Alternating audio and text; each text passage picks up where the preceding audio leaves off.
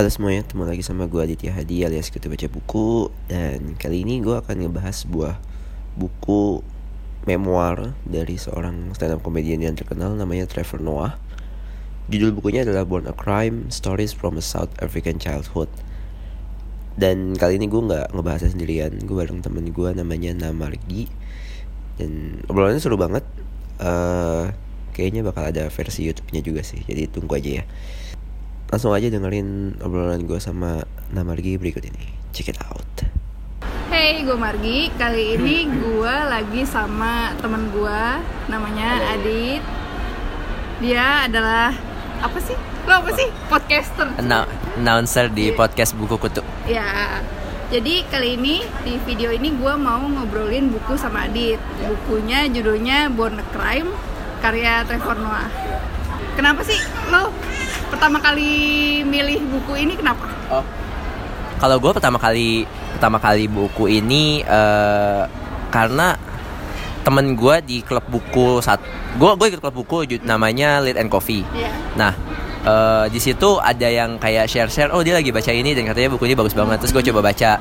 Karena gue kayaknya nggak pernah baca buku memoir dari seorang stand up comedian. Karena gue taunya Trevor Noah itu stand up comedian Iya. kan. Dan gue berharap sebenarnya buku ini menceritakan soal kisah dia menjadi stand up comedian. Ah. tapi ternyata enggak. Tapi ternyata lebih bagus. Kalau gue emang eh, gue juga tahu Trevor Noah dari nonton stand up komedinya kan gitu. Jadi eh, semakin lama kan dia semakin cerita backgroundnya dia di South Africa kayak gimana kan. Nah justru itu gue tertarik jadi baca buku ini untuk tahu ceritanya dia, kisah kecilnya dia sih sebenarnya. Cuma eh, beberapa dari beberapa orang juga gue uh, ngehin kalau sebenarnya buku ini kan orang ekspektasinya uh, perjalanan dia banget ya di South Africa. Cuma hero-nya justru menurut gue di sini adalah si emaknya Trevor Noah ini. mungkin mungkin mungkin lu bisa cerita sih kayak sebenarnya emaknya tuh kayak gimana atau kayak kisah-kisah yang berkesan setelah lu baca buku ini yang yang yang bagian yang mananya yang paling lu berkesan ke ibunya Nah, oke dari judul dulu deh. Kan orang kan juga bingung kan kenapa born a crime karena dia lahir pada masa apartheid kan, eh, di mana nikah orang kulit putih sama orang kulit hitam tuh nggak boleh ilegal gitu. Nah, dia itu produk hasil itu hasil produk hasil bukan hasil dia nggak tahu ya emaknya bapaknya nggak nikah juga kan dia nggak, emang nggak. emang eh, lahir ibunya emang mau punya anak gitu kan jadi ya udah eh, ketemu bapaknya Trevor eh, melahirkan Trevor dan dia udah sudah jadi kriminal saat itu. Jadi karena emang nggak boleh keluar gitu. Kalau ketahuan kalau ketahuan ada anak eh, mix bisa ketangkep gitu kan. Nah itu kenapa judulnya Born Crime. Dan dan lucunya tuh sebenarnya karena pas awalnya ibunya sebenarnya nggak eh, emang dia mau punya anak tapi dia nggak mau nikah ya kan? jadi ibunya tuh emang kayak wanita karir dia kerja dan dia karena pengen karirnya meningkat dia kerja di lingkungan orang kulit putih. Iya. itu jadi eh, sekretaris atau jadi apa gitu. Terus untuk menghemat duit dia bahkan tinggal di tempat prostitusi. Jadi menurut eh, kalau dia tinggal di kos-kosan biasa itu sebenarnya nggak boleh. Iya. jadi karena lingkungan itu cuma boleh ditinggali oleh eh, orang kulit putih doang. Nah eh, ada satu tempat di daerah kulit putih yang masih boleh dihuni oleh orang kulit hitam yaitu tempat prostitusi. Jadi di situ dia nyamar sebagai PSK, dia dan dan menol dan sebagainya, tapi dia nggak nggak dia beneran gitu. Dia dia dia kerja beneran dia nggak nggak melayani pelanggan gitu gitu dan kebetulan pemilik dari tempat prostitusi itu adalah si yang jadi bapaknya Trevor Noah ini orang kulit putih dan orang Jerman lebih tepatnya ya? Ya orang Jerman dan akhirnya dia kayak pengen punya anak tapi dia nggak mau nikah. Jadi dia sebenarnya nggak suka sama si, Si itu. cuman dia emang pengen punya anak aja. Akhirnya ya udah. Lu mau nggak eh, Jadi bapak jad- anak gua. jadi bapak anak gua gitu. Jadi orangnya juga kaget Agak gitu transaksional ya? Iya agak transaksional. Jadi ya udah lu lu abis ini mau kabur nggak apa-apa. Gue cuma pengen punya anak aja gitu. Terus ya udah dia jadi gitu. Kayak kayak oh gue punya monopoli gitu. Terus eh jadi gitu. Terus eh, kan banyak cerita budayanya juga ya di sana.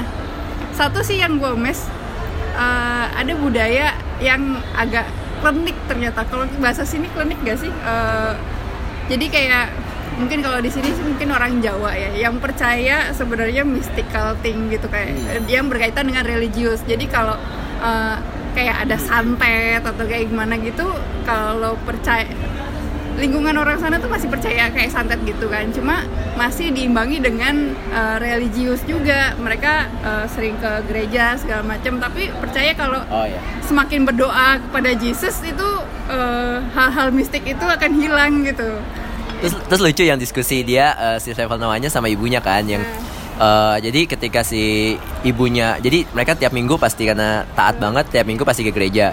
Terus eh, tiba-tiba mo- mobilnya rusak gitu. Terus si menurut si ibunya, wah ini adalah usaha setan untuk menghalangi kita ke ke gereja gitu. Tapi kalau kata Trevor, enggak bu, ini apa namanya? pertanda Ini gitu petanda dari Tuhan bahwa kita nggak boleh ke gereja. Kalau kita ke gereja, kita akan Sial eh, lagi. sial lagi gitu. Jadi kayak ada logis sih perdebatannya, tapi lucu aja ngeliat ibu sama anak. Si Trevor tuh emang uh, diajarinnya tuh gitu. Uh, you have to challenge me. Jadi uh, lo nggak boleh terima aja apa ajaran gua gitu. Jadi kalau ada hal-hal yang tidak logis challenge me aja biar gua uh, pelajari lagi si Bible itu. Biar dia bisa punya alasan uh, yang konkret. Itu sih lucu hal klinik kayak gitu. Dan ya kan itu uh, termasuk third country gak sih? Maksudnya kayak ya pokoknya gini orang-orang yang percaya mystical biasanya kan emang di negara-negara yang berkembang ke bawah gitu kan jadi gue nggak nggak nggak mengira semua negara percaya gitu-gituan juga sih gitu. Tapi emang kan banyak voodoo-voodoo gitu kan di Iya. sana. Malah, makanya ketika Piala Dunia waktu itu di Afrika Selatan tuh kayak ada yang katanya, oh pemain lawannya diapain lah, diapain lah kayak gitu. Tapi kayak kayak cuman rumor doang gitu sih. Nah, paling yang menarik buat gue adalah sebenarnya buku ini, ya itu sih gue bilang gue mengharapkan sebenarnya buku ini tadinya karena gue nggak nggak googling dulu gue nggak baca Goodreads dulu macam-macam. Jadi gue langsung baca aja gue pikir ini cerita perjalanan si Trevor Noah dari eh, apa namanya di dasar. di apa Afrika Selatan kemudian dia berkembang di Amerika Serikat jadi stand up comedian populer gitu. Awalnya gue kira gitu. Tapi ternyata ini justru endingnya pun nggak sampai dia jadi stand up comedian populer gitu. Makanya dibilang sama Ana tadi kalau ini sebenarnya lebih ke eh, ibunya gitu. Jadi buku ini sebenarnya lebih ke keluargaan sih. Jadi Iya. ini nih buku keluarga. Jadi menceritakan yang paling banyak dibahas ini adalah konflik cerita eh, tragedi macam-macam Iya. tentang antara Trevor Noah dan ibunya. gitu. Tapi dibawakan dengan cara yang menurut gua khasnya Trevor Noah banget which is stand up comedian gitu. Iya. jadi ada ada hal-hal yang pengamatan-pengamatan dia yang mungkin halnya normal gitu. Kayak tadi mobilnya uh, rusak ketika dia mau ke gereja tapi pengamatan pengamatannya itu udah kayak oke banget sih jadi kayak kayak lucu lah jadi kita kayak jadi nonton stand up komedinya dia gitu Iya. Terus eh, ada sih karakter yang dari kecil ternyata dari ke- dari Trevor Noah kecil ada karakter yang gue suka banget dari Trevor Noah sendiri. Dan menurut gue itu sangat membantu dia jadi stand up comedian. Dia itu polyglot ya bisa banyak bahasa gitu kan Oh, kayak ada tujuh bahasa atau lebih gitu. Jadi eh, bahasa daerahnya Afrika itu dia bisa sekitar 3 sampai 5, sisanya Inggris sama ada satu lagi apa gue lupa. Nah, itu tuh eh, dia sadar itu bisa berguna buat ngelawan eh, budaya apartheid juga di sana. Jadi kayak eh, kan di sana orang kulit putih digolonginnya ya orang kulit putih orang kulit hitam sama colored gitu ya ya kan nah dia tuh bisa bahasa Inggris yang identiknya dengan orang putih gitu. Tapi dia bisa bahasa daerahnya sana Zulu terus Tosa gitu kan.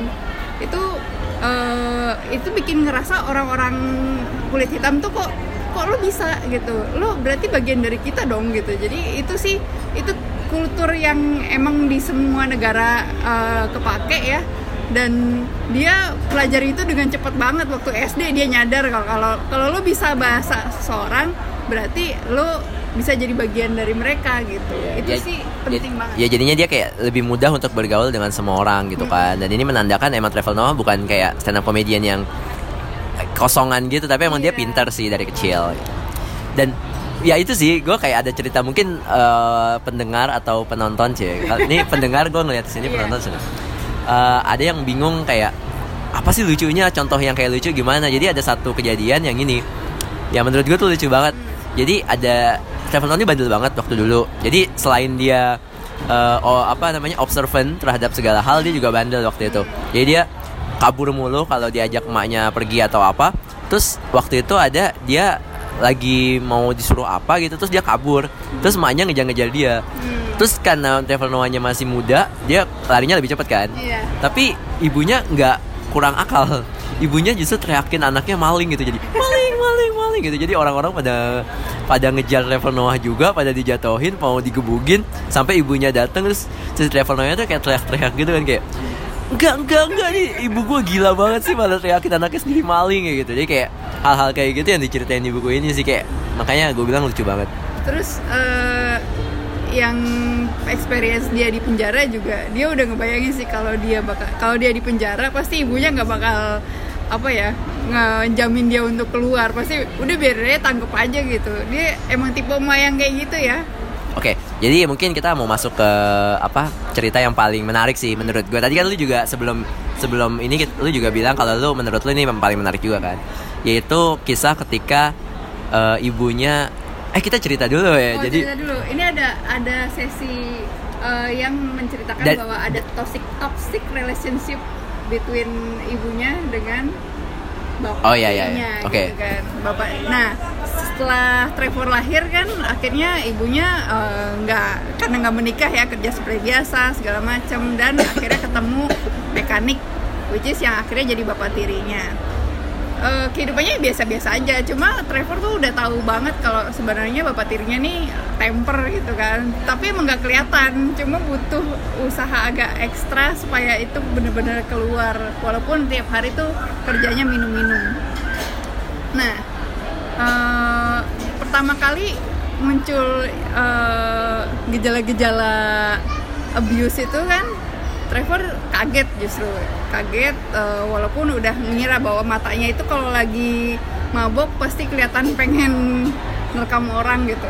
Nah eh, satu kali dipukul ibunya habis itu Trevor eh, biasa gitu kan. Yang penting dia menghindar aja dia nggak mau di dekat-dekat si bapak tirinya. Terus dua kali tiga kali. Habis habis itu kan udah tuh eh, sampai akhirnya Trevor tuh sebenarnya udah dewasa dan dia punya dua adik kan dari si bapak tiri itu adik tiri. ya adik tiri nah udah Itu, itu lucu sih. Jadi kalau yang ya gue baca, jadi tuh sempat ibunya tuh eh, nampar. Hmm. Eh ibunya ditampar. hmm, ibunya ditampar kemudian eh apa Trevornya udah maksa-maksa sebenarnya waktu itu udah ibu tinggalin aja. Mhm. nggak apa-apa kok ibu jangan khawatir sama duit. Nggak apa-apa kita berdua sama adik kita bawa aja pergi. Iya. waktu itu udah punya adik atau apa gitu kalau salah udah punya deh. Udah udah punya. Udah punya satu kalau salah. Udah punya adik terus eh apa ya udah kita nggak usah sama bapak. Kalau salah waktu itu ibunya juga sempat kabur ke rumah Iya. eh, neneknya gitu Iya. kan gitu. Sempat kabur tapi akhirnya baikan lagi. Akhirnya baikan lagi. Dan justru habis baikan itu malah dia punya anak lagi gitu itu sebenarnya ada hukum di Afrika yang dia sebenarnya eh, agak susah untuk eh, divorce, agak susah Hmm. untuk pisah secara resmi kalau anaknya belum 18 tahun. Iya. Ini anak anak keduanya yang adik tirinya Trevor yang pertama itu udah dikit lagi Iya. 18 tahun. Terus tiba-tiba dia hamil lagi kan kesel banget sebenarnya. Iya. tapi dia malah seks tanpa pengaman gitu kan tapi tapi mungkin buat orang yang gue nggak tahu sih ini pendengarnya yang udah married apa belum tapi buat orang yang udah married pasti tahu sih kalau ada yang namanya kayak make up sex gitu kayak, Oh, iya, kayak, iya, iya. kayak lagi marahan terus malah hubungan terus malah jadi anak gitu kan Terus ya itu sih eh, akhirnya toxic relationship itu berujung ke eh, Kan dulu. mungkin kita belum nyampe situ nah karena karena menurut gue caranya travel bawain ini seru banget Hmm. jadi kita kalau mau ceritain kayaknya kita mesti ceritain dengan cara yang sama jadi abis it- karena itu travelnya pergi. Dia memutuskan untuk hidup sendiri. Hmm. Iya. nah eh, ke kota. Kayak kotanya sama apa kota lain sih Beda kalau salah dikit beda dikit ya kayak di luar kota gitu lah. Ya Depok Depok Jakarta Nah, lah ya iya, Depok iya. Jakarta. Nah tiba-tiba ini nih emang lucu sih. Gue kalau jadi Trevor juga gue akan kayak kaget tapi habis itu gimana gitu? Kalau nggak salah dia lagi tidur lagi baru bangun gitu sama temennya. Terus eh, tiba-tiba ditelepon sama adiknya ah kak gitu. Adiknya tuh nelf diangkat kan nih gitu. Oh telepon dari adik oh ya udah diangkat. Diangkat terus adiknya tuh ngomong dengan nada yang datar. Kak kakak di mana?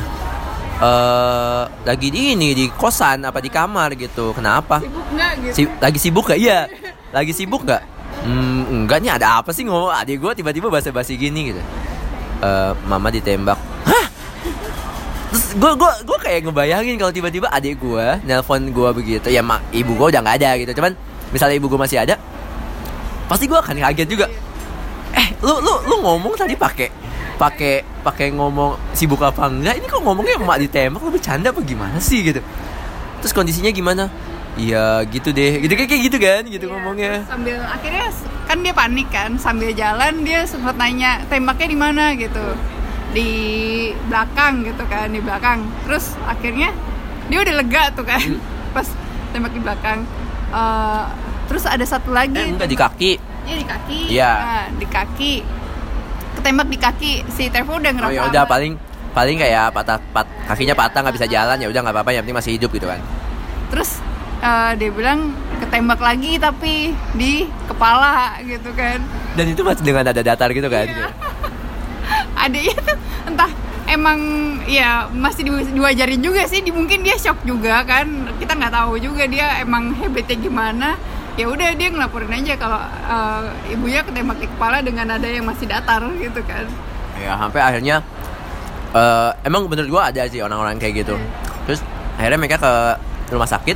Habis itu di rumah sakit baru si Trevor ngelihat pertama tuh ngelihat adiknya. Terus mereka pelukan terus baru tuh adiknya nangis. Iya, kejar nangis, kayak basah se se, se Seraung-raungnya yang ini. Oh soalnya adiknya juga berdarah juga. Hmm. adiknya juga kayak penuh darah gitu. Iya. jadi Trevor juga bingung sebenarnya kejadiannya kayak gimana gitu kan. Dan itu darah emaknya sih karena kayak Iya. bener-bener di- dia emang lagi ada di deketnya gitu kan. Ya, itu adiknya udah ada adik yang kedua dan adik yang kedua masih kecil no idea. Oh, ditanya adiknya di mana? Oh di di tempat saudaranya gitu kan. Eh enggak dibawa kali sama bapaknya. Habis itu dititipin. Iya, nah, dititipin ke saudaranya bapaknya lah gitu kan. Dan- terus eh, ini, ini kita perlu ceritain gak sih sebenarnya kejadiannya? Ceritain aja. Ceritain, ya, ya jadi ini ya bener sih menurut gue ini ini kalau jadi film tuh bakal jadi scene yang bener-bener apa ya memorable sih menurut tapi gue udah ada rumor mau jadiin film Oh, gitu? tau lu Oh, tau nggak tahu, nggak tahu. Lupita Nyong'o bakal peranin ibunya. Wow. Wah ini keren banget sih ya gue gue gue gue baru tahu gue baru tahu. Lupita Nyong'o tuh datang ke Daily Show kan eh, acaranya Trevor. Dan emang begitu datang dia langsung muji bukunya dan dia langsung isis kalau ini jadi film gue harus jadi ibu loh gitu. Itu gue juga akhirnya denger gitu pasti langsung nunggu-nunggu sih. Kebayang sih kebayang emang rupanya rupa rupanya kalau ngelihat foto asli emaknya emang agak-agak mirip sama Lupita. Jadi ceritanya tuh Nih nih. Gimana ya? Gue kadang-kadang mesti ceritanya dengan sedih. Tapi Trevor sendiri nyerita. Nomor 127 tiga orang. Eh kalian 127 bukan? Nah. Jadi eh Trev, Trevor nyerita ini juga dengan nada yang kayak rada-rada bercanda juga gitu. Jadi Nah. nggak terlalu sedih gitu. Gak terlalu sedih, teman kayak ada kaget, ada aneh dan macam-macam. Nah jadi ceritanya gini, ibunya itu udah pisah lagi sama bapaknya karena bapaknya nampar lagi dan lain sebagainya. Akhirnya dia ting- ngambil dua anaknya, tinggal sama keluarganya, kalau nggak salah neneknya atau apa. Oh, udah. Nah kemudian ibunya itu biasa lah karena taat banget sama agama, mereka bareng-bareng ke gereja. Mereka bareng-bareng ke gereja, pulang pas pulang tiba-tiba di rumah di pekarangan rumah itu udah ada bapaknya bapaknya Trevor eh bukan bapaknya Trevor iya bapak bapak tirinya Trevor gitu udah ada di situ sambil megang pistol ya. Hmm. ya habis itu ya gue inget gue inget jadi intinya si bapaknya itu mau ngebunuh semua orang yang ada di situ. Kemudian ada si adiknya yang paling tua itu ngalang-ngalangin bapak jangan kayak gitu bapak jangan kayak gitu. Kemudian adiknya itu didorong sampai jatuh. Adiknya didorong sampai jatuh bapaknya mau nembak adiknya. Tiba-tiba ibunya si Trevor ngalangin. Ya. akhirnya dia yang ketembak dan ketembak itu di bagian kaki. Akhirnya ibunya jatuh juga Iya. gitu kan. Ibunya jatuh kemudian itu itu bener-bener adegannya menegangkan banget buat Iya, gua. itu chapter terakhir Iya. ibunya ya, kalian kalian bisa bayangin ya. Jadi ibunya itu udah jatuh ke tanah kayak gini terus sama bapaknya itu bener-bener ditodongin pistol tepat di mukanya terus ditembak. Tapi ketika tembak kayak pistolnya macet iya pistol- berkali-kali. ditembak lagi Iya. macet lagi. Tembak lagi macet lagi gitu. Terus sampai terakhir. bapaknya bingung kan gini-gini. Sampai tembakan oh eh enggak enggak sampai akhirnya eh, udah cabut duluan ya. Ya Bapak naik mobil. Hmm, abis itu ada kejadian apa? Pokoknya bapaknya bingung ini gimana sih nggak nggak nggak bisa bisa kalau nggak ibunya dorong atau apa akhirnya si anaknya ini bawa ibunya ke dalam mobil yang tadi baru dari apa gereja gitu habis itu eh, dia naik mobil bapaknya tuh ternyata masih ngejar dari belakang. Ibunya nyetir kan terus anak laki-lakinya itu di posisi samping supir. Samping supir terus bapaknya itu nembak dari belakang dan anehnya pistolnya bisa lagi. Iya. pistolnya bisa dan tiba-tiba si adiknya itu ngelihat ibunya tiba-tiba tersungkur di eh, apa setir. Dan palanya udah berdarah. Iya. gitu kan kayak what? Kayak gue nggak bayangin anjir itu tuh gue gue kayak tuh. iya gue kayak ngebayangin gue lagi di samping ibu gue si ibu gue kayak gitu. Terus adiknya tuh langsung mindahin ibunya ke kursi passenger. passenger. Dianya langsung nyetir dan akhirnya dia langsung pergi aja gitu kan. Dan uniknya emang pas di rumah sakit itu entah bagaimana kalau nggak salah diceritain. Jadi ibunya itu setelah itu diceritain kalau ibunya tuh pas bapaknya mau nembak itu dia kayak berdoa sama Tuhan. Nah, selamatkanlah aku Iya. selamatkanlah anakku kayak gitu gitulah terus ter- ah- untungnya di rumah sakit akhirnya ternyata pistol itu tuh nembak kepalanya tapi entah kenapa pelurunya itu ketika mau nembus bagian yang vital itu iya. belok iya itu tuh gue nggak ngerti sih itu cara-cara menjabarkannya gimana secara biologis kayak gimana tapi faktanya begitu karena gue ini fakta kan ini real gitu tapi Jadi- itu menunjukkan menurut gue ya itu menunjukkan juga seberapa religiusnya si ibunya itu sih. Jadi kayak eh, ini kan konflik ya. Kayak si Trevor eh, semakin gak logik ibunya soal religi semakin eh, challenging dia gitu kan. Tapi ya ini eh, kejadian ini yang bikin Trevor oh iya iya juga. Tapi eh, sampai sekarang setahu gue sih si Trevor tipe yang gue nggak tahu agnostik atau gimana tapi dia percaya Tuhan sih. Percaya ibunya juga. Menghormati lah kalau ibunya sepercaya itu gitu sereligius itu gitu. Iya dan untungnya kejadian. untungnya guys ya. Jadi ini rada happy ending jadi ibunya selamat. Iya. dengan keajaiban itu. Tapi gue sebenarnya lebih tertarik juga sama bapaknya sih. Bapak jadi ba- bapaknya ne- Tirinya? enggak ya nembak yang Oh, nembak. bapak jadi bapak bapak tirinya itu habis nembak dia langsung ngambil anak keduanya Hmm. dibawa Hmm. terus kemudian dia datang ke tempat temannya Iya.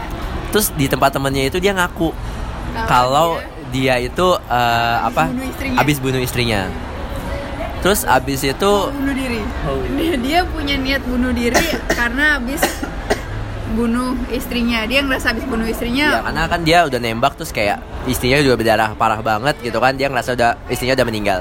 Jadi ya udah confess lah dia ke temennya. Sekalian nitipin anaknya gue habis bunuh istri gue sekarang gue mau bunuh diri gitu kan. Terus akhirnya ditenangin sama temennya gak sih? Iya. ya dia ditenangin sama temennya akhirnya tidak jadi bunuh diri. Cuma temennya emang meyakinkan lo harus eh, nyerahin diri ke polisi karena lo udah berbuat yang demikian. Tapi kesalnya ya setelah udah lapor ke polisi udah segala macem udah diproses lah sama hukum sana. Eh in the end, dia tidak mendapatkan hukuman yang setimpal ya. Jadi kayak karena istrinya nggak meninggal. Iya. jadi u- eh, jatuhnya itu cuman upaya pembu- upaya upaya pembunuhan bukan pembunuhan. Dan sebelumnya karena si istrinya itu jadi istrinya itu emang berkali-kali mau lapor ke polisi. Tapi begitu sampai polisi polisi nggak ada yang mau ngurus eh, apa namanya pro- eh, kasus itu Iya, karena karena menurut uh, urusan rumah tangga pasti Iya. bisa selesaiin di rumah gitu. Iya, jadi akhirnya suaminya ini nggak punya catatan kejahatan. Jadi dianggapnya orang yang bersih. Iya. Padahal dia berkali-kali mukulin istrinya. Dia dianggap orang yang bersih. Kemudian ya udah ketika dia ngaku kayak gitu polisi ngerasa dia ini orang baik hingga akhirnya ya udah nggak ada yang ditahan bebas begitu aja. Iya dan sekarang masih hidup ya. Dia juga dia tahu eh, Trevor Noah tahu bapaknya ada di bapak tirinya ada di mana gitu kan. Iya. udah ya paling itu sih. Jadi kalau gue sih buat gue ini buku bintang 5 sih. Iya sama. Iya, Nah, buat Mbak yang 602 bintang berapa? Eh, Kak Devi. Iya, gue juga ngasih bin- gue juga ngasih bintang 5 sih di Goodreads buku ini. Karena eh, apalagi gue udah ekspektasi ini bakal dijadiin film ya karena udah kebayang jadi visualnya eh, bakal kayak gimana gitu jadi menurut gue cara dia nulisnya, cara di eh, I mean ceritanya sendiri udah menarik dan Iya. unik sih. Jadi emang kayak nggak diapa-apain juga bagus, tapi ditambah sebenarnya Trevor Noah kayak nambahin unsur-unsur komedi, unsur-unsur observasi dia waktu kecil sampai sekarang.